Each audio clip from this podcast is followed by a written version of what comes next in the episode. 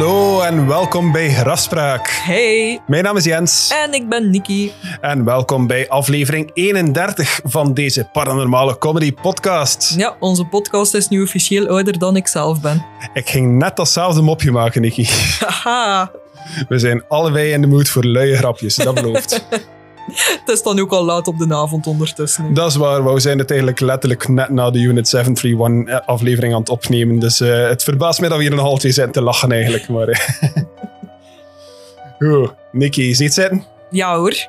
Raspraak, voor wie het nog niet kent, is een wekelijkse paranormale comedy podcast waar we elke week een duistere, mysterieuze of whatever case bespreken, hier en daar een mopje maken. Eén van ons is de verteller die al het opzoekwerk gedaan heeft en de ander is de luisteraar. Vandaag ben ik de verteller. En ik ga weer luisteren en waar nodig een beetje commentaar geven of nog een beetje doorvragen om tot de kern van de zaak te komen.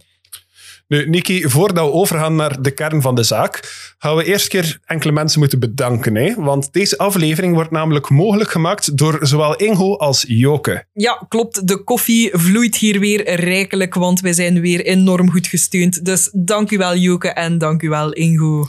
Een enorme dank u aan jullie allebei. We appreciëren het enorm. En dan is er nog iemand die we moeten bedanken, want zoals jij misschien ook al weet, Nikki, starten wij onze aflevering graag met een spraakberichtje. En eh, een tijd geleden, eh, de mensen die al een tijdje luisteren, zullen het wel al weten, hebben we een heel lang spraakbericht gekregen van Kim. Dat we dan besloten hebben om dat in verschillende segmentjes in ons podcast te steken onder de noemer The Haunting of Kim House. Yes. Nu heb ik eh, voor deze week nog een van Kim haar berichtjes voorzien. Oh, spannend. De Yes. sequel.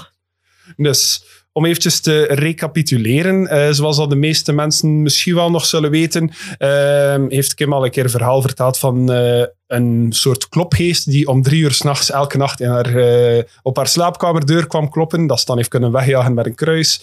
En ze heeft ook al een paar verhalen verteld van een huis waar dat ze in haar jeugd in opgegroeid is. Hè? Ja, klopt. Ehm, nu gaan we iets verder in Kim haar timeline. Eh iets meer naar het heden eigenlijk, waar, eh, ja, waar er een geval is van iets dat haar moeder s'nachts heeft meegemaakt. Oké. Dus we zullen daar eventjes naar luisteren. Hè. Sinds vorig jaar is mijn moeder hier ook komen inwonen. Ons huis is hier toch groot genoeg. Het is een vierkantshoeve. Ze heeft hier plaats genoeg voor haar eigen. Eh, en vier maanden geleden ben ik bevallen van een fantastisch zoontje, Alexander. Ehm, en een paar weken geleden moest Alexander s'nachts een flesje krijgen. En dat was dan heel toevallig om drie uur s'nachts. En die nacht ging mijn moeder ehm, Alexander verzorgen. Ehm, dus zij ging ermee naar beneden en ze zette haar in de zetel.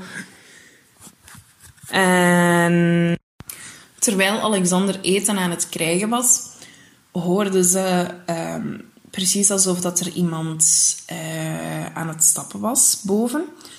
En zij vertelde mij dan wat ze hoorde dat er iemand uit het bed was gestapt, of alleszins in onze slaapkamer aan het stappen was, eh, de deur opende, dicht deed en dan zo verder wandelde richting de badkamer. Maar richting de badkamer is ook automatisch richting de zolder. En daar hoorden ze ook weer een deur open en dicht gaan. Iets later, een twintigtal minuten later, zei ze dan, eh, hoorden ze opnieuw hetzelfde. Dus ook weer iemand vanuit onze slaapkamer vertrokken. Deur open, deur dicht, verder op de gang, richting de badkamer. Deur open, deur dicht. Dus volgens wat zij heeft gehoord, kon ze eruit halen dat eh, zowel ik als mijn man in de badkamer waren. En niet meer op onze slaapkamer. Omdat ze ook niemand terug heeft horen stappen. Eh, een dik half uur later is zij dan weer naar boven gegaan. Alexander was klaar, hij was weer in slaap gevallen. Ehm, en tot haar verbazing stond de badkamerdeur open en brandde er geen licht. En ze had ons nog altijd niet horen terugstappen. Eh, dus ja, ze ging kijken op de badkamer, daar was dan niemand. Ehm, en dan de volgende ochtend, toen we allemaal wakker waren, vroeg ze dat dan van, wat hebben jullie vannacht gedaan? We, ik heb jullie horen rondstappen. En ja, wij waren natuurlijk stom verbaasd, want wij lagen alle twee heel vredig te slapen. En ik ben een hele lichte slaper. Ik word al wakker van, van minste dat ik hoor. Dus laat staan dat ik het niet heb gehoord dat er iemand zou rondlopen op onze kamer. Ehm, dus dat was wel iets heel bizar. eh, dat we niet goed wisten. eh, wat, wat, wat, wat is dit? Hoe komt het dat, dat, dat mijn moeder dit heeft gehoord en wij niet? Ehm, ja, daar, daar hebben we nu nog altijd geen verklaring voor. En wij hebben nu ook nog altijd niet zelf gehoord dat er iemand aan het rondstappen is. Ja, damn. Dat was alweer een eh, spannende episode van eh, The Hunting of Kim House. hè. Ja, ehm, Kim, wat kunnen we zeggen behalve hij fucking paranormale magneet? Ik weet niet wat dat, dat is, maar hij, trekt dat aan for some reason. Ja, nee, eh, we hebben er ook niet meer verklaring voor dan... Ai, oftewel was een van jullie aan het slaapwandelen of zo, dat is misschien nog een mogelijkheid, maar ja, voetstappen is poltergeist shit, hè, dus... eh, Ja, eh, wel, laat het ons misschien inderdaad voor the sake of everyone bij slaapwandelen houden. Maar eh, ja, misschien heb jij en je moeder toch wel een bepaalde gift om die dingen aan te voelen. Inderdaad, je kan daar nu namelijk gevoeliger voor zijn of zo. Eh, oftewel is er al heel je leven dezelfde geest u aan het achtervolgen of zo. Eh had, het ooit, had het ooit ontdekt, laat het ons zeker weten, want we zijn allemaal heel benieuwd. Maar goed, dan heb ik ook nog een verhaaltje om te vertellen, Niki. Oké, ik ben al benieuwd. Yes, ik zal al meteen zeggen dat het volgens mij niet paranormaal is. Het is heel creepy, maar eh, volgens mij is het meer menselijk dan spookelijk. Amai, allee, hij zit echt wel goed in de spanning op te bouwen voordat een verhaal begint. Ja, maar ja, wacht maar. Het verhaal dat ik je ga vertellen begint in juni van 2014. Derek Broaddus en zijn gezin hebben net een nieuw huis gekocht in Westfield, New Jersey. Derek had net de dag doorgebracht met dat huis te schilderen en klaar te maken voor zijn gezin dat erin zou komen wonen. En ja, s'avonds denkt hij eraan van, ah ja, eigenlijk heb ik sinds dat dit ons adres is, de post eigenlijk nog niet gecheckt. Maar ja, je woont daar net, je wa- je verwacht nog niet veel post, misschien een paar rekeningen of zo. En hij gaat gaan kijken voordat hij zijn dag gaat eindigen. Nu is het misschien belangrijk dat je weet dat ze dat huis op dat moment drie dagen in hun bezit hadden. Dus die waren nog volop aan het renoveren, aan het schilderen en zo. Ehm, die woonden er eigenlijk nog niet, maar ze brachten er wel al tijd door. En voor hen leek dat wel een droomhuis. En dat bevond zich op eh, ja, de boulevard daar. En eh boulevard is daar echt wel ja, een rijke mensenstreek. Eh, iedereen die daar woont is een directeur of een hoogwaardigheidsbekleder. Of, allee, ja. Oké, keer- want alles dat ik weet van New Jersey is enkel van Jersey Shore. dus doe je best maar om mijn beeld te veranderen. De situation loopt daar niet rond, ik zal het nu al zeggen. Hoewel, misschien zal hij intussen wel al het kapitaal hebben daarvoor. Maar ik zal je een keer een foto tonen van het huis en het gezin. Oké, het heeft eh, een bepaalde Amityville-vibe, maar eh allee, ik, ik zou het niet erg vinden om erin te wonen. Ja, het is wel een kast van een huis. het is echt, eh, ja. En dus het gezin, ja, het, ehm, het Derek, hebt Mar- Maria, die zijn vrouw is, en hebt hun drie kinderen. Drie relatief jonge kinderen nog op dat punt. En Het zijn gelijk altijd drie kinderen of zo. hè. Allee, je moet altijd gelijk een massive amount of children hebben om, om haunted te zijn. Dat zo de indruk. Misschien helpt het. Wel, In deze situatie eigenlijk wel, zoals dat je meteen zal horen. En ja, voor hen was dit een droom. Hè. Ehm, nu, Derek's vrouw, Maria dus, die was in de streek opgegroeid. Echt maar een paar straten van waar dat dit huis zich bevond. Dus voor haar was het echt terug naar huis komen eigenlijk. En Derek zelf, die kwam van redelijk povere beginselen, heeft het nooit heel breed gehad of zo, maar eh, heeft zich echt weten op te werken op de corporate ladder en heeft dit huis voor eh, net geen 1,4 miljoen dollar kunnen kopen aan zijn 40ste. Dus eh, ja, echt wel self-made man eigenlijk. De buurt, zoals ik zeg, gekend als heel welvarend, veel rijke mensen die daar wonen en zo. En ook een vrij veilige buurt. En daarbovenop was het ook nog maar 25 kilometer van Manhattan, waar dat Derek werkte. Dus voor hen was het echt wel ideaal gelegen. Zo net ver genoeg dat ze niet in de drukte van de stad zitten, een veilige buurt. De meeste mensen daar zouden bij wijze van spreken een, deur zelfs niet sluiten eigenlijk. Ik ging, ik ging, voordat je dat zei, ging ik zeggen van een beetje zoals wij en werken in Brugge. Maar eh, nee, ik zie mijn eigen hier niet direct mijn voordeur laten openstaan. Ja, we zouden het huis ook niet kunnen kopen. We hebben er niet kapitaal voor. We kunnen het huren. ja, ze waren dus nog volop aan het renoveren. Ze verwachten nog niet echt van veel post te krijgen. Misschien een paar rekeningen of zo.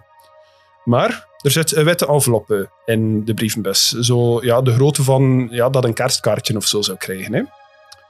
En op die witte enveloppe staat er in dikke letters geschreven aan de nieuwe eigenaar. Maar dan in het Engels. Ik zal de brief voorlezen die erin zat. En eh, jij mag hem af, eh, achteraf een keer kort vertalen. Is het goed? Oké. Want ik vind het belangrijk dat, dat ik het originele Engels gebruik hiervoor. Is het ook zo in dat raar Engels van in the vertical plane? Want anders wil ik het gerust wel proberen voorlezen. Dearest new neighbor at 657 Boulevard. Allow me to welcome you to our neighborhood. How did you end up here? Did 657 Boulevard call to you with its forces within? 657 Boulevard has been the subject of my family for decades now, and as it approaches its 110th birthday, I have been put in charge of watching and waiting for its second coming.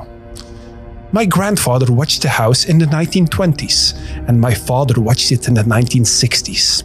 It is now my time. Do you know the history of the house? Do you know what lies within the walls of 657 Boulevard? Oh. Why are you here? I will find out. I see already that you have flooded 657 Boulevard with contractors so that you can destroy the house as it was supposed to be. Bad move. You don't know. You don't want to make 657 Boulevard unhappy. You have children. I have seen them. I asked the woods to bring me young blood, and it looks like they listened.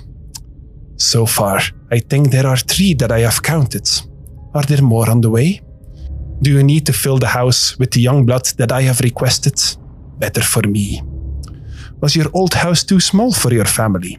Or was it greed to bring me your children? Once I know their names, I will call them and draw them to me. Who am I? There are hundreds and hundreds of cars that drive by 657 Boulevard each day. Maybe I'm in one. Look at all the windows you can see from 657 Boulevard and all the people that stroll by each day. Maybe I am one. Welcome, my friends. Welcome. Oh. Let the party begin. The Watcher. Oh. Wat heb ik u net What verteld, the Nicky? fuck? Nee, ik moet dat even processen. Oh my god, nee. Ugh. Ik... Oh, nee. Ik voel mij vuil van dat gehoord te hebben. nee, dat is echt wel fucked up. Ja, wel. Allee, ja, dat kan even gewoon zo'n asshole kid zijn van zo twee huizen verder. Ja, maar- Zoiets wilde echt niet in uw brievenbus krijgen. Nee, wel, surtout, ze zijn nog aan het renoveren. Ze zijn nog niet goed en wel verhuisd. Ik zou gewoon iets hebben van... Oké, nee, het is, het is raar. We zijn, we zijn weg. Moet huis houden. Ja. Eh, nee, kijk, ik ga het dus even eh, kort samenvatten. De briefschrijver, die zichzelf blijkbaar op het einde de Watcher noemt, eh, laat weten dat het huis bijna aan zijn 110e verjaardag zit. Dat het huis al sinds zijn grootvader eh, in het jaar 1920 gevolgd wordt. Eh, en ja, het huis blijft hij ook 657 Boulevard noemen, alsof dat het effectief de naam van een persoon met een persoonlijkheid is. Hè. ja. Ehm, hij vraagt ook wat dat de reden is dat, ja, dat ze naar daar verhuisd zijn. Is het omdat het effectief de roep van het huis was waar ze op gereageerd hebben? Ehm, hij laat dus effectief ook weten dat het nu zijn beurt is, na zijn grootvader en zijn vader, om op het huis te passen. Hij laat ook weten dat hij ondertussen weet dat er al zeker drie kinderen in het huis aanwezig zijn. En weet nog hoe dat hij die kinderen benoemde? T- ik weet, eh, Blood? The Young Blood. De lang, ja, ja. En dat vond ik altijd een heel, heel creepy betitel. ja. En gewoon ook, ja, hoe dat hij het dan omschrijft ook van het huis. Hè. Eh, Ja. De krachten die erin zitten, hoor je ze roepen. En je maakt het huis ongelukkig door al de renovaties dat je aan het doen Ja, bent. Ja, ja, nee, ugh. Ugh. Ja, dus nadat Derek die brief leest, raakt hij natuurlijk in paniek. Hoe zou hij zelf zijn? Ah, hij had het gevoel dat zijn gezin, dat zijn kinderen bedreigd werden. Dat er een of andere creep in de buurt hen in de gaten had houden Ik denk dat zijn gedachten gewoon alle kanten uit gingen Ja, ik ben blij als er bij ons zo'n brief zit van aan de bewoners van dit pand dat enkel gaat om gelijk watervoorziening of zo. Maar nu ga ik toch ook even hartkloppingen krijgen, denk ik. Ja, wel, ik krijg ook niet graag de brief van. Ja, Telenet had, eh, had drie uur plat liggen op die een dag of zo. Maar als het dan maar is, hè. Maar goed, dus eh, ja, Derek leest in een brief. Maria en de kinderen zijn ook in het huis op dat punt. Maria is de kinderen aan het bezighouden, terwijl dat Derek zo de laatste handjes nog aan het schilderen en zo aan het leggen is. En plots ziet ze Derek dus van kamer tot kamer gaan, overal de lichten uit doen, overal de gordijnen dicht doen. En eh, hij is zo precies, eh, precies like zo, dat elke buurt wel dat één oud vrouw heeft, zo gewoon tussen de spleetjes van het gordijn aan het kijken naar de straat of dat hij iets verdacht kan zien of zo. Ja, ik denk dat ik ook op die manier zou reageren. En hij gebruikt zijn gezond verstand en hij belt de politie ook, Ja. die enkele minuten later eigenlijk al aan het huis is en hij geeft ze de brief af. Dus ja, de politie stelt de normale vragen. Eh, hebt u vijanden? Hebt u iemand die wraak zou willen pakken? Hebt u iemand die u zou willen chanteren of zo? Maar Derek kan niet echt vijanden of zo. Ik kon niet echt iemand bedenken. Allee, ja, hij werkt in verzekeringen, dus hij zal sowieso wel een paar mensen hebben die kwaad zijn op hem, maar niet echt in de zin dat er iemand dit zou doen. Dus ja, de politie die neemt nog wat details op, maar ze konden weinig doen op dat punt. Ze hadden enkel maar die een brief om op af te gaan. Hè. Maar ze raden hem wel aan om alles in de gaten te houden en hen te bellen als er nog iets zou gebeuren. Nu ja, die nacht waren Derek en Maria over die brief aan het praten, of dat een grap kon zijn, of dat echt kon zijn. En er is één zin die constant opnieuw in Derek zijn hoofd afgaat. I asked the woods to bring me young blood, and it looks like they listened. Nu, Derek opent zijn laptop en hij schreef een mail naar de voormalige eigenaars. Andrea en John Wood. Oh. Oh. Ja, Oh. de Woods. Nu, Andrea Wood die antwoordt de volgende ochtend al. En ze zegt van, wij hebben 23 jaar in dat huis gewoond en er is nooit iets bizars gebeurd. Dat ze zelf letterlijk zegt van, wij sloten onze deuren dikwijls zelfs niet s'nachts en zo, zo veilig voelden we ons daar. Maar op het einde vermeldt ze wel terloops een keer dat ze een week voordat ze besloten om het huis te verkopen, wel een brief gekregen hebben van iemand die zichzelf de Watcher noemde. Die zei dat hij het huis al generaties lang in de gaten hield, maar ze dacht dat een of andere rare grap was en ze heeft de brief weggegooid. Maar een week later hebben ze wel dat huis verkocht. Dus ja, het was dus al zeker niet eenmalig. En Maria ging dan ook nog naar het politiebureau om dat te melden. De politie raadde haar aan om niet met haar buren te praten over die brieven. Eh, omdat eigenlijk elke buur op dit punt een verdachte zou kunnen zijn. Dus hoe meer mensen dat er weten, hoe meer dat water vertroebeld wordt. Dus best om zo weinig mogelijk informatie te delen. Dus ze rijdt terug naar huis en Derek is net een rondleiding aan het geven aan een ouder koppel dat in de buurt woont. Hij is het huis en de renovatiewerken aan het tonen. En die waren, wel, eh, die waren vriendelijk en die verwelkomen haar.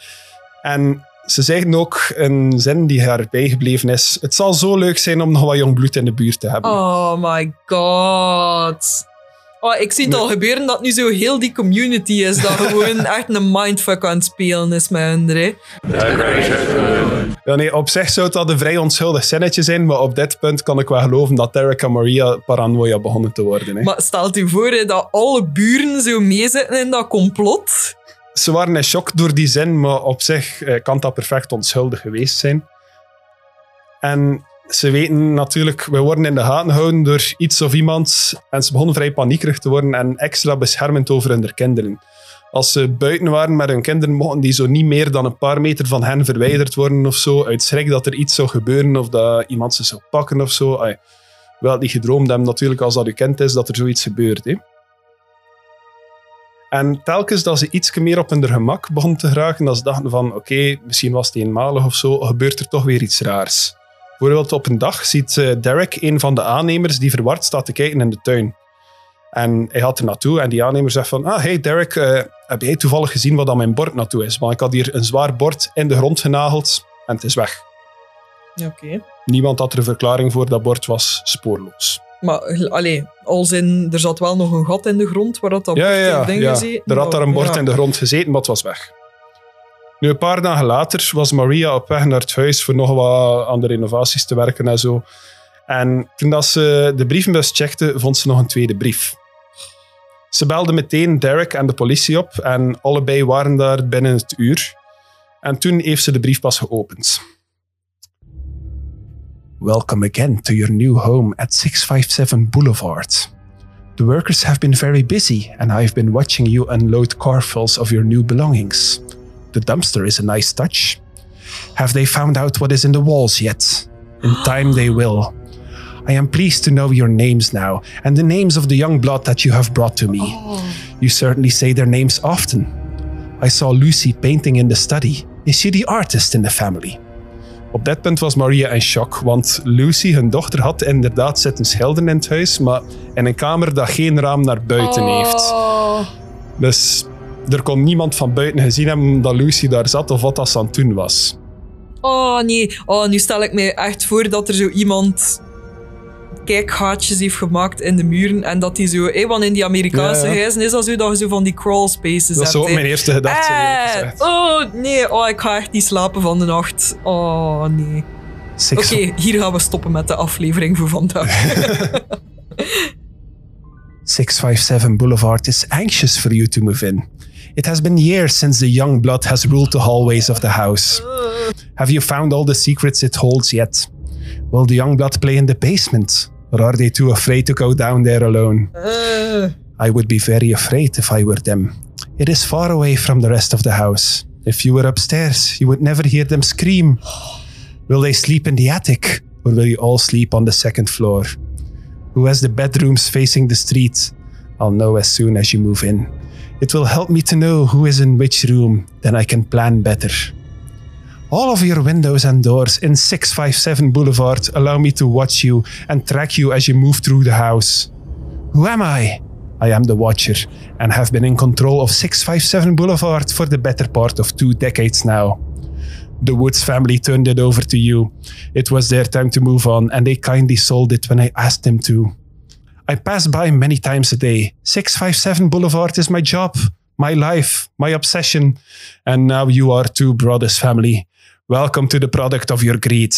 Greed is what brought the last three families to 657 Boulevard, and now it has brought you to me.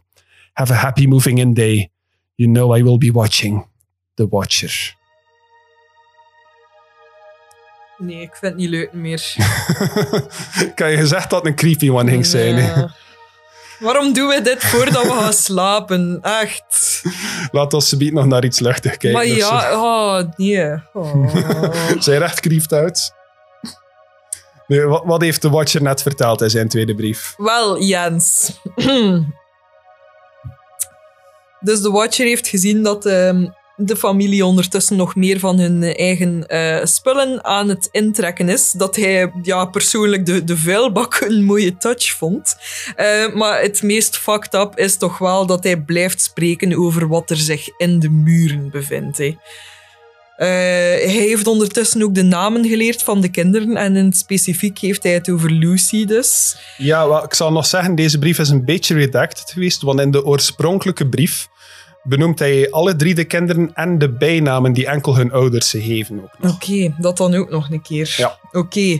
Ehm, ja, verder maakt hij het nog een beetje af door natuurlijk ook de kelder te vernoemen. Iedereen's favoriete plek in het huis. Ja, en je zou nooit hun, hun schreeuwen kunnen horen vanuit de kelder. Nee, inderdaad. En verder laat hij ook weten dat zowel hij als het huis tamelijk eh, benieuwd zijn om te zien wie dat er uiteindelijk in welke kamer gaat intrekken, zodat hij verder zijn plannen kan maken, want hij ziet alles en weet alles. Ja, wel. Als je nu op dit moment een gezicht op de Watcher zou moeten kleven, wat voor een persoon zou dat zijn volgens u? Oh, oh, dat is een moeilijke. Ik denk zoiets. ehm Laat ons beginnen, man of vrouw? Oh, ja, sorry, man. Ja, Standaard had je hoofd naar een man, hè, als ja zoiets en, zegt. en ik, ik, het standaard gaat ook zo gewoon naar, naar een van de meer bekende serial killers. Wie? Ja, maar, ga, allee, hoe noemt hij? Oh, niet Bundy, niet Geen, niet Camper, de anderen. Zo'n dienen van, ik eet mensen. Nee, nee, nee. allee. Die dan nooit geen ta- getatoeëerde mensen gaat eten, omdat hij de smaak van tattoos vies vindt. Damer. Maar ja... Ja, Hij stelt er zo'n Jeffrey Dahmer-type Ja, bij voor. Ja, ja. kan er eigenlijk wel in komen. Zo Surtout ook met, met zo'n creepy brilletje en die lange regenjas. Zo. ja, en surtout ook zo... ehm, ik weet dat het gebaseerd is op een film, maar zo die Simpsons-scène, dat, dat Bart zo met zijn verrekijker vanuit zijn ruit zit te kijken. Ja, letterlijk The Watcher. Hè. Ah ja, oké. ik wist niet dat die film zo heet. Nee, nee, nee. nee. Eh, Als in dat hij The Watcher zou zijn. Ja. Er is wel een film die The Watcher heet, met Keanu Reeves in de hoofdrol, maar dat heeft hier niks mee te maken. want die film is ook ouder dan dit voorval, want zoals ik zeg, dit was 2014. hè. Ja. Ja, aan de manier dat The Watcher dingen aan het beschrijven is, zou je bijna denken dat hij in de muren zit als een spook. Je hebt er net al gezegd met zo van die kijkgaten of zo. Ja, Maar goed, ja, enkele dagen later gaan ze naar een barbecue bij de buren en ze praten niet over de Watcher, zoals dat de politie heeft, eh, heeft voorgesteld, maar ze letten wel op alle verdacht gedrag. En ja, een van de buren begint een beetje te vertellen over de buurt en zegt hoe dat iedereen hier goed overeenkomt, iedereen vriendelijk is. En op het einde zegt hij zo, allee, althans bijna iedereen. En eh, ja, Derek is natuurlijk heel benieuwd van wat bedoelt met bijna iedereen. Oh ja, eh, eh, niets om u zorgen over te maken, maar het gezin dat vlak naast jullie woont zijn de Langfords. Ehm, moeder van het gezin is, eh, is Betty Langford, is al 90 jaar oud en haar zes kinderen die allemaal al, bij, eh, die allemaal al door de 60 zijn, wonen nog allemaal bij haar. En vooral haar zoon Michael is een beetje een speciaal figuur. Op dat punt zou je denken, case closed. Hè? Ja. Het zijn de weirdo's die naast hen wonen. Eh, de Langfords die wonen daar sinds de jaren 60. eh, wanneer dat de Watcher zegt dat zijn vader het huis in de gaten is beginnen houden. Dus ah, het lijkt overduidelijk. Die vader zou ook al 12 jaar overleden zijn. De Watcher zegt ook dat hij al ongeveer twee decennia het huis in de gaten houdt. Dus de details kloppen wel een beetje met elkaar. Nu, Derek die vertelt die info aan de politie, maar de politie hecht er eigenlijk weinig waarde aan. Eh, de detectieve die aan de zaak gewijd is, eh, detectieve Lugo, Leonard Lugo, zegt dat hij de Langfords kent en dat hij Michael eigenlijk al ondervraagd had, omdat ook de eerste was dat hij aan dacht. Mhm. Maar dat hij er vrij zeker van is dat Michael er niks mee te maken heeft. Nu, Derek is het op dit punt een beetje beu en die besluit om een eigen onderzoek te starten. Hij zet camera's over heel het domein, eh, inbraakalarmen. Eh, sommige nachten dat hij toch niet kan slapen, brengt hij in het huis alleen door, waar dat hij door de gesloten gordijnen naar buiten aan het kijken is voor verdacht gedrag of zo. Dus hij is effectief zo'n beetje loco aan het gaan. Ja, ja, absoluut. Maar hoe zou hij zelf zijn? Het is zo'n beetje op, eh, op Shining-niveau af, bijna. Hij begon zelfs dingen te doen als satellietbeelden van de omgeving van het internet te halen om zo een range daarop te trekken van binnen welke range kunnen ze ons gehoord hebben tegen onze kinderen. Eh, en bij alles dat hij maar kon bedenken, kwam hij toch terug op de Langfords uit. Dus hij was er zo goed als zeker van dat die er iets mee moesten te maken hebben, maar er was geen bewijs. Ze huren zelfs een privédetectieve in die stakeouts doet in de buurt. En die background checks deed over de Langfords, maar er eigenlijk niks noemen- noemenswaardigs over kon vinden. Hmm. Mijn beste gok blijft ofwel zijn het zo van die kruip, allee, die crawl spaces in de muren, ofwel is er zo een onder, onderaardse tunnel dat zo de, de kelder van de Langfords en de, de hoe noemen ze, de, de verbindt. Ja, wie weet. Nu, Derek die neemt ook contact op met Patricia Kirby, een voormalige FBI-agent. Ik weet niet of dat die naam u iets zegt. Eh, zou het moeten, want momenteel niet. Patricia Kirby was de inspiratie voor Clarice uit Silence of the Lambs. Mm. En de gelijknamige serie Clarice. Ja. Die momenteel uitkomt. Ze hebben daarnaast nog een voormalig FBI-agent ingehuurd, Robert Linehan. En die analyseerde de brieven en vond daarin bepaalde tics terug in de geschriften die volgens hem zouden duiden op een oudere schrijver. De manier dat geschreven werd, ehm, dat de Watcher ook zo regelmatig zo zijn brief begon met iets over het weer te zeggen of zo. Ah, Ik zei dat zijn niet, de, hon- dat zijn niet de volledige dat ik nu Ja. voorlees, maar de essentie. Ehm, ook dat ehm, alles double spaced was en zo. Eh, Alles leek een beetje Mm. op oudere gebruiken dan. eh, dus ja, die was er vrij zeker van. eh, het is een ouder persoon en volgens hem ging het niet veel meer zijn dan enkel dreigementen. Leek de kans klein dat hij tot actie zou overgaan. Dat was zijn threat assessment van heel de situatie. Maar hij maakte er wel uit op dat de Watcher duidelijk kwaad was en niet bij zinnen was. Maar hij zag hem niet echt als een reëel dreigement, maar eerder als gewoon iemand die hen bang wou maken. De familie Broaddus schreef op aanraden van de politie ook een brief naar de Langfords, waarin dat ze schreven dat ze van plan waren om het huis af te breken, gewoon om een reactie uit te lokken. Als de Watcher dat zou lezen, zou die woedend worden en Mm. zou er gevolgen aan komen. Maar er gebeurde niets.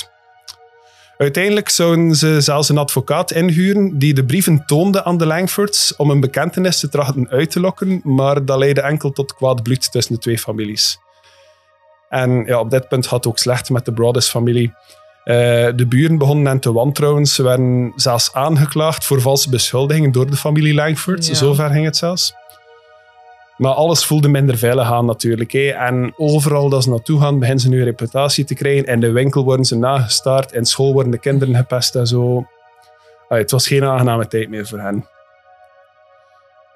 Een van de FBI-agenten die ze inhuurd hadden als privédetectieve ontdekte wel dat er verschillende seksoffenders waren die slechts een paar straten van hen woonden. Eh, maar veel meer dan dat ontdekte ze ook niet. Op een dag was Derek in het huis om nog wat werk te doen en hij keek door het achterste raam naar de tuin van de buren, van de Langfords dus. Ja. En wat zag hij daar? Twee oudere mensen die in legstoelen lagen te zonnen. Op zich niet zo speciaal. Waar het niet dat die legstoelen zo dicht mogelijk tegen eh, de Broadus hun domein lag als dat maar kon en dat die legstoelen naar hun huis gericht waren. Ja. Nu, op zich zou dat, eh, als er niets aan het gebeuren is, zou dat ook iets relatief onschuldigs zijn. Misschien wel raar gedrag, maar in hun wereld was dat echt heel raar. hè. Wat- Zorgde dat voor nog meer paranoia eigenlijk. En, eh, ze begonnen nog een beetje te denken van zichzelf van wij zijn precies zot aan het worden, dat kan hier echt niet meer. Ze begonnen nachtmerries te krijgen, ze liepen constant gestrest. Ja, na een tijdje, de renovaties begonnen af te geraken, maar zouden ze wel effectief wel verhuizen naar dat huis? Allee, die vraag spookte ook al heel die tijd door hun hoofd natuurlijk. Hè. Ik weet niet of dat ik het zelf zou kunnen in die situatie. Nu, Derek kreeg ook meerdere keren per week meldingen van zijn inbraakalarm, maar er was niet echt iets op de camera's. Allee, ja, dat kan ook even goed een kat zijn die een bepaalde grens overging of zo. Hmm. Dus, eh, allee, ja. En als hij alleen in het huis ging of naar het huis ging, dan droeg hij ook altijd een mes bij zich. Hij voelde zich echt niet meer veilig. Op een gegeven punt heeft hij zelfs een advertentie op Craigslist geplaatst om een ex-militair in te huren om een hele dag workouts te staan doen in hun tuin. Gewoon dat whoever dat de watcher is, ziet dat er daar een gespierde militair aan het trainen is. Oh. Nu, het leek extreem, maar er blijven ook wel brieven toekomen van de watcher die meer en meer gestoord lijkt te worden. Oh. The house is crying from all the pain it is going through. You have changed it and made it so fancy. You are stealing its history. It cries for the past and what used to be in the time when it roamed its halls. The 1960s were a good time for 657 Boulevard when I ran from room to room, imagining the life with the rich occupants there. The house was full of life and young blood. Then it got old, and so did my father. But he kept watching until the day he died. And now I watch and wait for the day when the young blood will be mine again. 657 Boulevard is turning on me. It's coming after me. I don't understand why. What spell did you cast on it? It used to be my friend, now it is my enemy. I am in charge of 657 Boulevard. It is not in charge of me. I will fend off its bad things and wait for it to become good again. It will not punish me. I will rise again. I will be patient and wait for this to pass and for you to bring me the young blood back to me. 657 Boulevard needs young blood. Stop changing it and let it alone. It needs you. Come back. Let the young blood play again. Let the young blood sleep in 657 Boulevard. All hail the Watcher. Schotse Jens kwam weer even boven. Let the young blood play again. Let the young blood play again. All hail the Watcher. Oh. Dus opnieuw, ja, hij is gek aan het worden. Hij gelooft dat het huis hem tegen hem aan het keren is. Hij, hij gelooft duidelijk in een magische kracht die in dat huis Maar zit. hè. jongens. Hij- Whoever dat is, is meer en meer gestoord aan het geraken. Ja, amai. Oh. Maar ja, de Brothers hebben nog altijd het gevoel van wij kunnen hier echt geen kant uit. Hè. Zelfs Maria's therapeut diagnosticeerde haar met PTSS op dat punt. Mm. Terwijl er is nog niets gebeurd. De PTSS hoort te gebeuren na de traumatische gebeurtenis. Hier heeft ze PTSS met het regiment van de traumatische gebeurtenis. Ja, ik zou dit al als traumatisch genoeg zien. Ja, wel, ik begin lichte opflakkeringen van PTSS te krijgen als ik bericht krijg dat ik iemand moet opbellen of zo. Dus. Eh, Maria en Derek konden op dat punt zelfs niet meer slapen zonder zware slaapmedicatie. Zo erg was het. Derek heeft zelfs de brieven getoond aan een priester die het huis is komen zegenen on the off chance dat toch iets paranormaals zou Jezus. zijn. Maar wat ze ook deden, ze bleven brieven krijgen. Moest dit een film zijn, dan zouden ze nu al zo in de archieven op zoek gaan naar zo de, de blueprints van het huis. En dan zo zien van, oeh, die kamer is er toch niet? Oeh, waarom heeft dan een extra gang? Nu, na een tijd stoppen ze ook wel met de kinderen mee te brengen naar het huis, omdat ze ook niet meer te voelen hebben dat ze dat nog veilig kunnen doen. En opnieuw kregen ze een brief, deze keer een vrij korte. Where have you gone to? 657 Boulevard misses you. It needs Youngblood. Maar ze moesten iets doen natuurlijk. Hè. En hun meest logische oplossing is, we moeten dat huis terugverkopen. We Ja. kunnen hier echt niet intrekken. Nu, ze deden eerst alsof dat hun neus bloedde en ze probeerden het huis te verkopen voor meer geld dan dat zij er oorspronkelijk voor betaald hebben. Eh, waarbij dat ze wel gezegd hebben van we gaan de brieven al enkel maar tonen aan echte potentiële kopers. Eh, want ze wouden niet mensen in hetzelfde schuitje steken, ze wouden daar wel eerlijk over zijn, maar gaan natuurlijk geen reclame maken voor je huis. Maar krijgt potentieel brieven van, eh, van een of andere seriemoordenaar of zo. En- Zo gelijk van die huizen waar dat erbij staat, definitely not haunted. En allee, ja, het feit dat ze er meer geld voor willen, eh, voor willen krijgen, moet je natuurlijk ook wel in gedachten houden. Het is dat al- gerenoveerd, Ja, wel, hè, ze hebben ja. veel geld in een nieuwe keuken en zo gestoken. Allee, het lijkt me ook maar fair dat ze er iets meer geld voor willen vragen. Maar helaas kregen ze het ook niet verkocht, want het verhaal van de Watcher begon al een beetje de ronde te doen. Eh, De Langfords weten er natuurlijk van, dan is het maar een kwestie van tijd voordat de rest van de buurt dat weet. En ehm, ze kregen enkel maar lage boden eigenlijk, omdat mensen wisten van die familie is wanhopig om te verkopen. Hè. Ze hebben ook de Woods-familie aangeklaagd, omdat die hen niet verteld hebben over die eerste brief. En dat ze dat een, ja, iets vonden dat ze toch wel aan moeten zeggen. Ik heb hier zelfs nog het, eh, het document van de rechtszaak dat ze aangespannen hebben tegen de Woods, waarin dat je ook verschillende dingen van de Watcher kan zien en zo.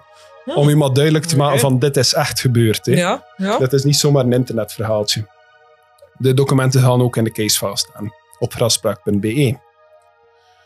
Nu, in Amerika, ik weet niet of dat overal zo is, maar in bepaalde staten toch gekend dat waarschijnlijk ook wel uit de films, dat als je een huis wil verkopen en er is daar iemand in vermoord of gestorven, moet je dat ook zeggen aan de nieuwe kopers. ja. Maar er is geen wet die zegt dat de, dit soort brieven ook moet melden. Dus zal ik er wel bij zeggen, er is eh, een case die hierbij ook is bovengehaald eh, van in de jaren 90, waar dat eh, mensen een huis hadden gekocht en ontdekten dat haunted was, naar hun zeggen toch.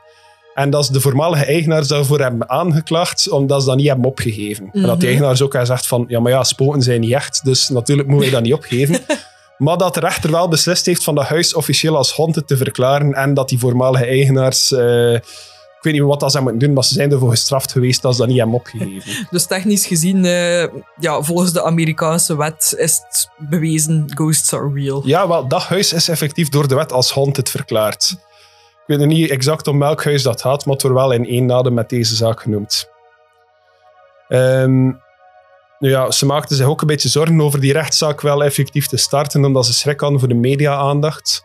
Maar een advocaat verzekerde hen van ja, hoogstens wat local news of zo dat erachter gaat kijken. Maar de volgende ochtend worden ze wakker door vreemd geluid. En ze kijken door hun raam naar buiten en heel hun voortuin en straat staat vol met nieuwsbusjes. Want elke media-outlet wou het verhaal van de Watcher kunnen brengen. Eh, er was zelfs een reporter die een stoel neerzette om daar een hele nacht te kamperen en het huis in de hand te houden en de Watcher op heterdaad te betrappen. Oh.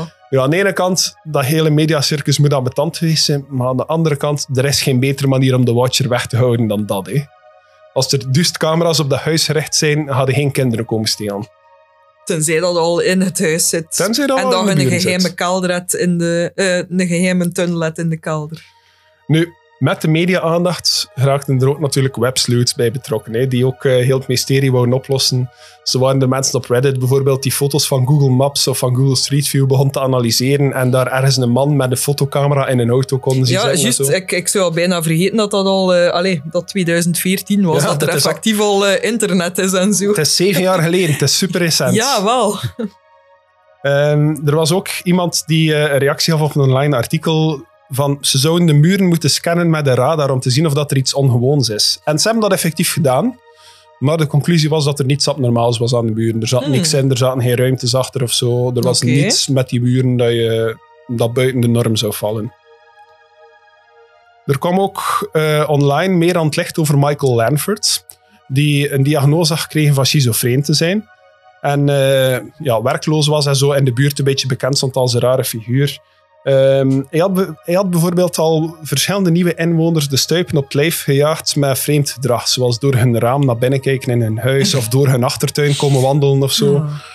Eh, maar er zijn dan ook weer mensen uit de buurt die zeggen dat hij bijvoorbeeld inkopen gaat doen voor oudere bewoners die zelf geen weg kunnen en zo. Dat eigenlijk wel een nice guy is, maar gewoon een beetje raar. Je kunt beide zijn. Maar ook volgens de analyses die er van Michael Lanford gemaakt zijn, zou hij waarschijnlijk niet het IQ hebben om dat soort brieven te schrijven. Zeker met de beeldspraak en zo die erin verwoven zit. eh, Michael zou dat niet kunnen maken volgens hen. Nu ken die mens zelf niet. Ik weet niet of dat de hoog intelligent moet zijn om zo'n brieven te schrijven, maar... eh,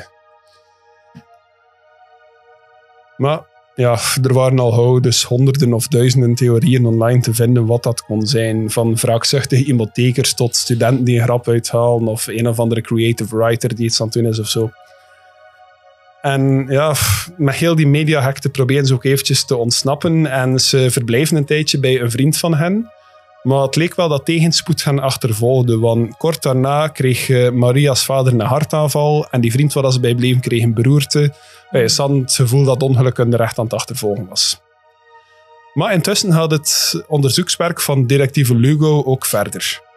En die ontdekt eh, via het labo dat er DNA-resultaten zijn van de brief. Er was geen match, maar wat ze wel konden bepalen, was dat DNA van een vrouw kwam. Hmm. Vandaar dat ik dat juist vroeg van wie is, eh, welke figuur zou hij hierop plakken. Ik denk dat de meeste mensen standaard naar een creepy man zouden gaan, maar de Watcher was dus wel een vrouw. En ja, dit bracht ook een heel nieuw perspectief op de zaak. Heel veel mensen werden al meteen uitgesloten, zoals Michael Langford en zo. Maar die had dan bijvoorbeeld wel een zus die een hypotheker was. En dan ontstond er al direct een nieuwe theorie dat zij het huis niet mocht verkopen of zo. En dat ze daar wraakzuchtig over Ja. was. En dat zij eh, daar iets mee te maken had. Maar dat is ook onderzocht geweest. En eh, de politie kwam uiteindelijk met de melding naar de Broadus-familie van... Kijk, we kunnen niet zeggen waarom, maar we zijn 100% zeker dat de Langfords er absoluut niets mee te maken hebben. Dus die waren volledig uitgesloten als Mhm. verdachten door de politie. Er gebeurde ook nog een buurtonderzoek door een van eh, de privédetectives en die ontdekte dat er nog een gezin in de buurt een soortgelijke brief van de Watcher gekregen had in hun huis waar ze wel al jaren woonden, maar die gewoon weggegooid hebben en er is nooit een tweede brief gekomen.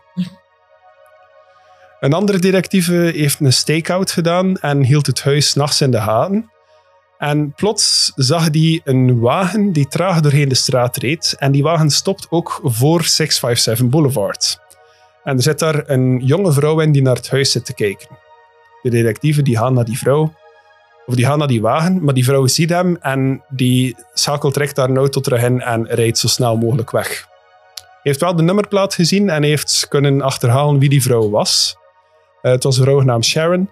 En eh, die is naar het politiekantoor gekomen voor een interview. En eh, ze zei eigenlijk van, kijk, ik was gewoon heel nieuwsgierig met alles wat er daar aan het gebeuren was. Ik wou dat huis een keer met eigen ogen zien. Ze zegt dat zij en haar vriend heel benieuwd waren naar het verhaal en er vaak over praten. En die agent die begint door te vragen over haar vriend. En ze beginnen hem zo wat te omschrijven. Ja, hij heeft nog in, eh, in Boulevard gewoond. Hij kent de streek heel goed. Ehm, maar hij is een beetje een eenzaad. Hij is nogal mensenschuw. Hij komt niet vaak buiten. Hij speelt heel, heel veel videogames. Ehm, en ja, die agent vraagt door van ja, wat voor, wat voor videogames speelt hij dan? Ehm, en ze zegt ja, eigenlijk vooral horrorgames. Ik kan er zelf niet echt naar kijken. Ik heb er zelf te veel schrik van. Maar er is één spel waar dat hij heel zot van is. En hij speelt daar een specifiek personage in dat hij The Watcher noemt. Hm. Nu, de politie besloot op dit punt van we moeten contact opnemen met die man. Hè. Dat is onze nieuwe verdachte. Ja. En ze hebben contact kunnen opnemen met hem. En hij is tot tweemaal toe akkoord gegaan om langs te komen. En hij is tweemaal niet komen opdagen. En ja, de politie wist wel dat ze hem konden vinden maar ze hadden niet echt bewijs dat ze hem in zijn schoenen konden schuiven of zo. Ehm, ze hebben ook Sharon haar DNA vergeleken met die brief. Het was ook niet van haar. Ehm, dus ja, de politie moest weer van nul beginnen. Hè. Nu, de buren waren heel het spelletje een beetje beu aan het raken op dat punt. Het feit dat ze zelf soms beschuldigd werden online, eh, heel de media-aandacht. Dat zorgde er allemaal voor dat zij begon te speculeren dat de Broaddus-familie eigenlijk zelf achter de brieven zat. Ze dachten van, dit is een soort van verzekeringsoplichting, of ze willen de filmrechten verkocht krijgen of zo. Nu wil ik er wel bij melden dat de Broaddus-familie meerdere keren gecontacteerd geweest is door filmstudio's om de rechten te verkopen, maar dat ze elke keer geweigerd hebben. Ah, oké. Ze wouden dus geen winst uit heel verhaal proberen te slaan. Eh, ook van Maria zelf zijn haar vingerafdrukken en haar DNA afgenomen geweest om dat te vergelijken met de brief, maar het was ook niet van haar. Ze deden nog een laatste poging om het huis te verkopen en ze deden een open house day, waar iedereen mocht langskomen. Maar iedereen die binnenkwam moest wel een register tekenen. Met hun sluwe bedenking van als de watcher langskomt, kunnen we de handtekening vergelijken met, met het register en kunnen we weten van wie dat is. Oké. Helaas heeft dat ook tot, nie- eh, tot niets geleid. En iedereen die potentieel een bod wou doen op het huis, trok zich terug een keer als de brieven zagen. Want opnieuw, ze wel zo eerlijk zijn Ja. dat, ze, dat ze het niet zomaar Ja. doorgaven. Dus ze wouden er komaf mee maken en ze wouden het huis plat gooien en er twee kleinere huizen opzetten om ze zo verkocht te krijgen. Maar toen hebben meer dan 100 buren een town hall meeting gehouden om daartegen te protesteren. Dat huis moest daar blijven, dat staat er al 110 jaar. Het straatview moest hetzelfde blijven en zo. En uiteindelijk eh, mochten ze hun huis ook niet afbreken. Uiteindelijk hebben ze wel een koppel gevonden die bereid was om het huis te huren. Maar ze vroegen wel een clausule in het contract dat mocht er nog een brief aankomen dat ze zouden mogen vertrekken. Ja. En Derek ging akkoord, ja, geen probleem. En hij verzekerde hen van, kijk, de Watcher heeft ons al maanden niet meer geschreven op dit punt. Dus volgens ons is het veilig. Dag 1 dat het nieuwe koppel daar woont, komt er een brief toe. Oh. Violent winds and bitter cold to the vile and spiteful Derek and his wench of a wife Maria. You wonder who the Watcher is? Turn around, idiots. Maybe you even spoke to me, one of the so-called neighbors who has no idea who the Watcher could be. Or maybe you do know and are too scared to tell anyone. Je bent meer en meer Schots aan het klinken weer. Good move, lassie. Good move. I walked by the news trucks as they took over my neighborhood and mocked me. I watched you as you watched from the dark house in an attempt to find me. Telescopes and binoculars are wonderful inventions. Willy sees all. Willy knows all. 657 657 Boulevard survived your attempted assault and stood strong with its army of supporters barricading its gates. My soldiers of the Boulevard followed my orders to a T. They carried out their mission and saved the soul of 657 Boulevard with my orders. I will get my revenge. Maybe in a car accident. Maybe a fire. Maybe something as simple as a mild illness that never seems to go away, but makes you feel sick day after day after day after day. Maybe the mysterious death of a pet. Loved ones suddenly die. Planes and cars and bicycles crash. Bones break. Oké, genoeg. Dus op dit punt is zij letterlijk met ziektes aan het dreigen en met Oh. vliegtuigen crashen en zo. Nu dus, de Broaddus-familie die wordt gehaat door andere mensen in het dorp. Al had er niemand echt last van. Hè. Het is niet dat er iemand financiële schade geleden had door hen of zo. Het is niet dat er iemand gewond was geraakt of eender wat. Ja. Maar ja, mensen waren toch kwaad op hen dat hun vredige buurt zo verstoord werd. En zoals ik zeg, ja, zelfs de kinderen worden gepest op school en zo. Het was echt geen fijne tijd. En ze verhuurden het huis wel, maar het geld dat ze kregen als huur was zelfs nog niet genoeg om hun lening te helpen afbetalen. Ze maakten Hmm. er nog altijd verlies op eigenlijk. Dan gebeurde er iets raar. Raar. Dan pas. Ja, dan pas. Op kerstavond van 2017 kreeg elk gezin op de boulevard, of toch zeker de meer vocal ones, een witte enveloppe in hun bus. Net als de brieven die de Broaddus-familie al die tijd gekregen heeft. Hmm. En die brieven stonden vol met kritiek over hoe de buren het terreur van de Watcher genegeerd hadden en hoe ze de familie Broaddus behandelden. En de brief was getekend Vrienden van de familie Broaddus. Een tijdje later heeft er een journalist met Derek gesproken over die brieven en vroeg aan Derek of dat hij ze zelf geschreven had en Derek gaf toe van wel. Dus niet de Watcherbrief, maar de Ja, kerstbrief ja. heeft hij zelf geschreven. Er kwam echter nog een laatste bericht van The Watcher. En dit is het allerlaatste. You are despised by the house, and the Watcher won. En dat is het. Ah, dat was het. Ja. Oké. Het huis raakte uiteindelijk verkocht in 2019 voor 900.000 dollar. Wat dat meer dan 400.000 dollar verlies is voor de Broaddus-familie, nog los van de renovatiekosten. Dus ze hebben er absoluut geen winst op gemaakt.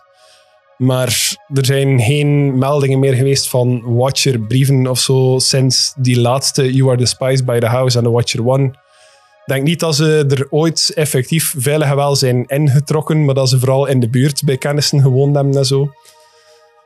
Maar dat was dus het verhaal van The Watcher. Oh, nee. Spijt mij dat ik u een beetje gechoqueerd heb met heel deze case, maar ik had u gezegd dat het een creepy one ging zijn. Ja, ik had ergens misschien gehoopt dat er toch een eh, verklaring ging geweest zijn. Dan ging ik deze nacht in elk geval beter geslapen hebben, waarschijnlijk. Eh, ja, ja. Wel, als je aan de verklaring denkt, wat denkt u dan? Denkt u dat het echt een buitenstaander was of denkt u dat iemand van Broadus gezin was? Ha. Ja, ik weet niet van dat gezin, want... allee, Ja, uiteindelijk, ze hebben wel kansen gekregen om de filmrechten te verkopen en zo, maar ze hebben daar nee op gezegd. ja, dat dus wel. voor het geld hebben ze het al zeker niet gedaan, want ze hebben uiteindelijk hun huis voor een verlies moeten verkopen. En Nee. die diagnose van PTSD en zo krijg je ook niet zomaar. Nee, de kans lijkt mij inderdaad klein dat dat ofwel Derek ofwel Maria was. Want uiteindelijk zei het dan gewoon, ja, uw, uw echtgenoot of echtgenote gewoon aan het kloten. Nee, maar om welke reden? Het juist samen een huis gekocht ook. Ja, inderdaad. Ehm, ja, zeg het. Enige iets of wat plausibele theorie dat ik kan bedenken is, eh, ja, bekijk die een kelder inderdaad een keer. hè. Kijk een keer of dat er daar ook geen geheim kamertje zit eh, met een geheime tunnel. Ik blijf erbij. Ja, wel. Of if anything, stuurt de, Rob- eh, stuurt de Robert Bigelow en zijn team een keer naartoe. Hè. Dat die een hele hoop camera's opzetten en zo en weer een documentaire maken. Eh, hoe noemde je nu weer? eh, Brandon, Brandon Fugel. Ja. Of Brandon Fugel, ja, nog Ja. beter eigenlijk. maar had het al aan het begin gezegd, volgens mij is het niet paranormaal. Ay, we kunnen de paranormale piste misschien wel opgaan dat een of ander spook of een demon is of zo die brieven schrijft, maar dat lijkt me heel onwaarschijnlijk. dat in moet dit dan geval. wel al een heel erg energiek spook zijn dat genoeg kracht heeft om effectief pen en papier te nemen en een boodschap neer te... Nee, nee, het was op de computer zeker. Eh, ja, ze waren getypt, maar ze waren ook ondertekend met, eh, met een handschrift The Watcher. Ja. Dus, en ja, uit handschriftanalyse en zo is er ook niet echt iets uitgekomen dat ze konden herkennen van iemand. Ja, want een van de dingen waar dat we ook meestal naar terugkeren in het zoeken naar een verklaring is ook van wat heeft eh, de betrokken partij erbij te winnen? En allee, alles dat ze er hadden bij kunnen winnen is eigenlijk weggevallen. Eigenlijk dat gezegd inderdaad, ja, ze, ze hebben geen geld verdiend met filmrechten. Ja, Ze hebben, if anything, hebben ze zelfs mega veel verlies geleden door het nog een keer opnieuw te moeten verkopen, terwijl ze er al dat geld hadden tegensmeten. Dus zij kunnen er letterlijk niets mee winnen. nee, inderdaad. Er valt niks te winnen in hun situatie. En eh, als een huis spookt, had het wel nog aan het juiste publiek verkocht krijgen als een toeristenattractie of zo. Maar het huis dat door een creep in de gaten gehouden wordt, die dreigt van de kinderen mee te pakken, dat krijg je niet Ja. zomaar verkocht. Hè? Nee, dus allee, ik. Ja, ja. Het is. eh, Denk je dat het echt is? oh, dat is wel een moeilijke. Nee. Ik, maar, ik denk wel dat het echt is in de zin van: het is niet iemand binnen het gezin geweest, het is iemand dat moedwillig. Ja, dat doet, maar misschien is het gewoon iemand dat, dat zo, zo wat de town gossip is en, en gewoon dingen heeft opgevangen van de buren en daardoor zo genoeg informatie had vergaard om, om ja, die brieven op te stellen. Ja, maar waarom dan specifiek het gezin? Ja. Waarom worden die geviseerd? Ja. Ja, het, het is een heel rare situatie. Mijn theorie blijft toch altijd meer naar Michael Langdon gaan, maar dat DNA-bewijs spreekt dat ook weer tegen. Maar ja, het is niet omdat er een vrouw die brief toegelekt heeft, dat een vrouw hem geschreven heeft natuurlijk. Nee, er kunnen meerdere mensen in betrokken zijn. Er kan een derde partij aan de envelop gelekt hebben, bij wijze van spreken, of die brief vast, hebben, eh, vast gehad hebben of zo. Of de persoon die de post binnensteekt, de postbode.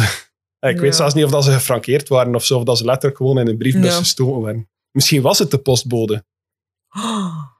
Ja, nee, maar... Die passeert Oh. elke dag langs de straat. Die steekt brieven binnen en niemand die erachter kijkt. Ja, maar ja.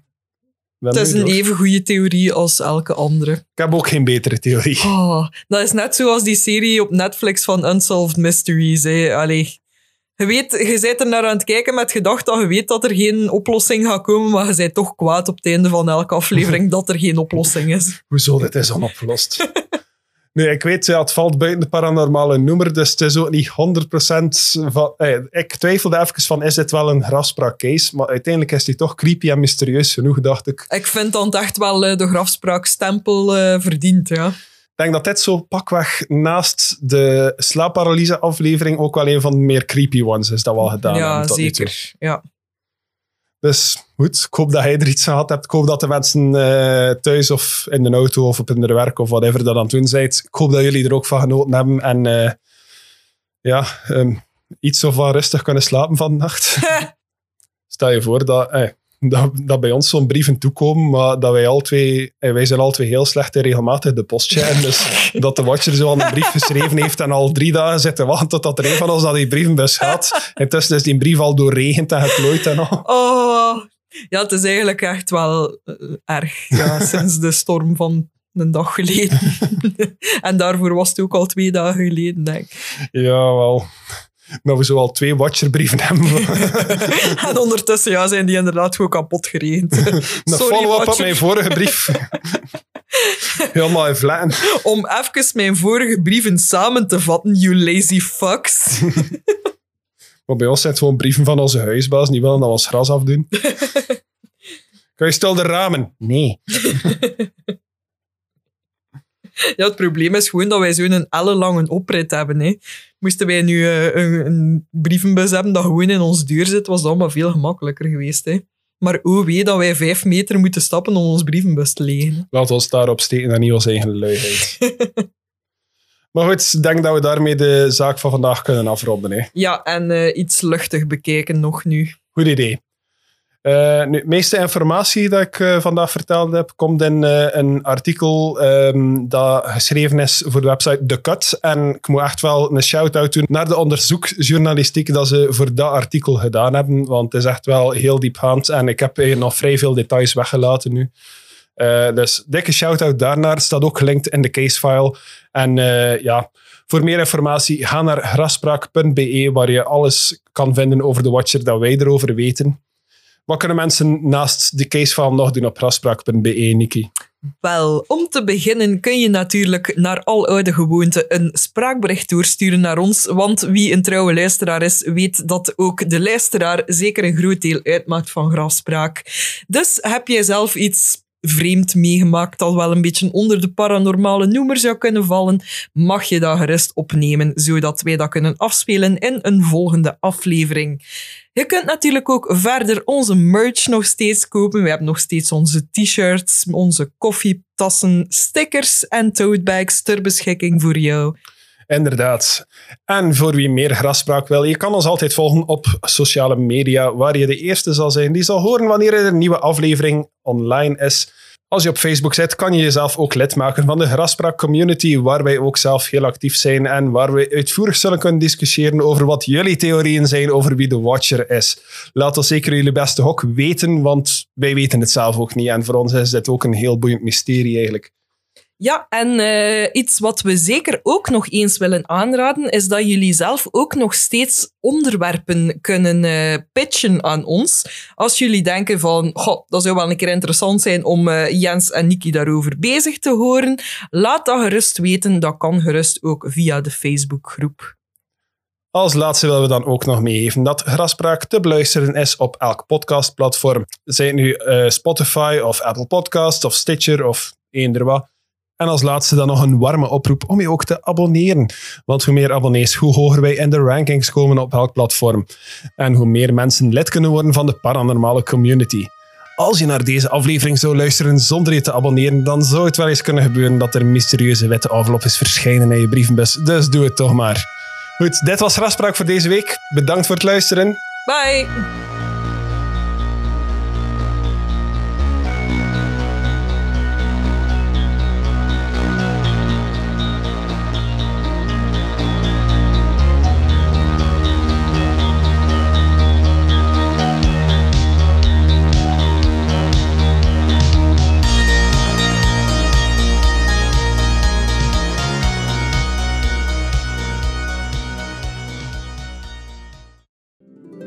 afspraak.be.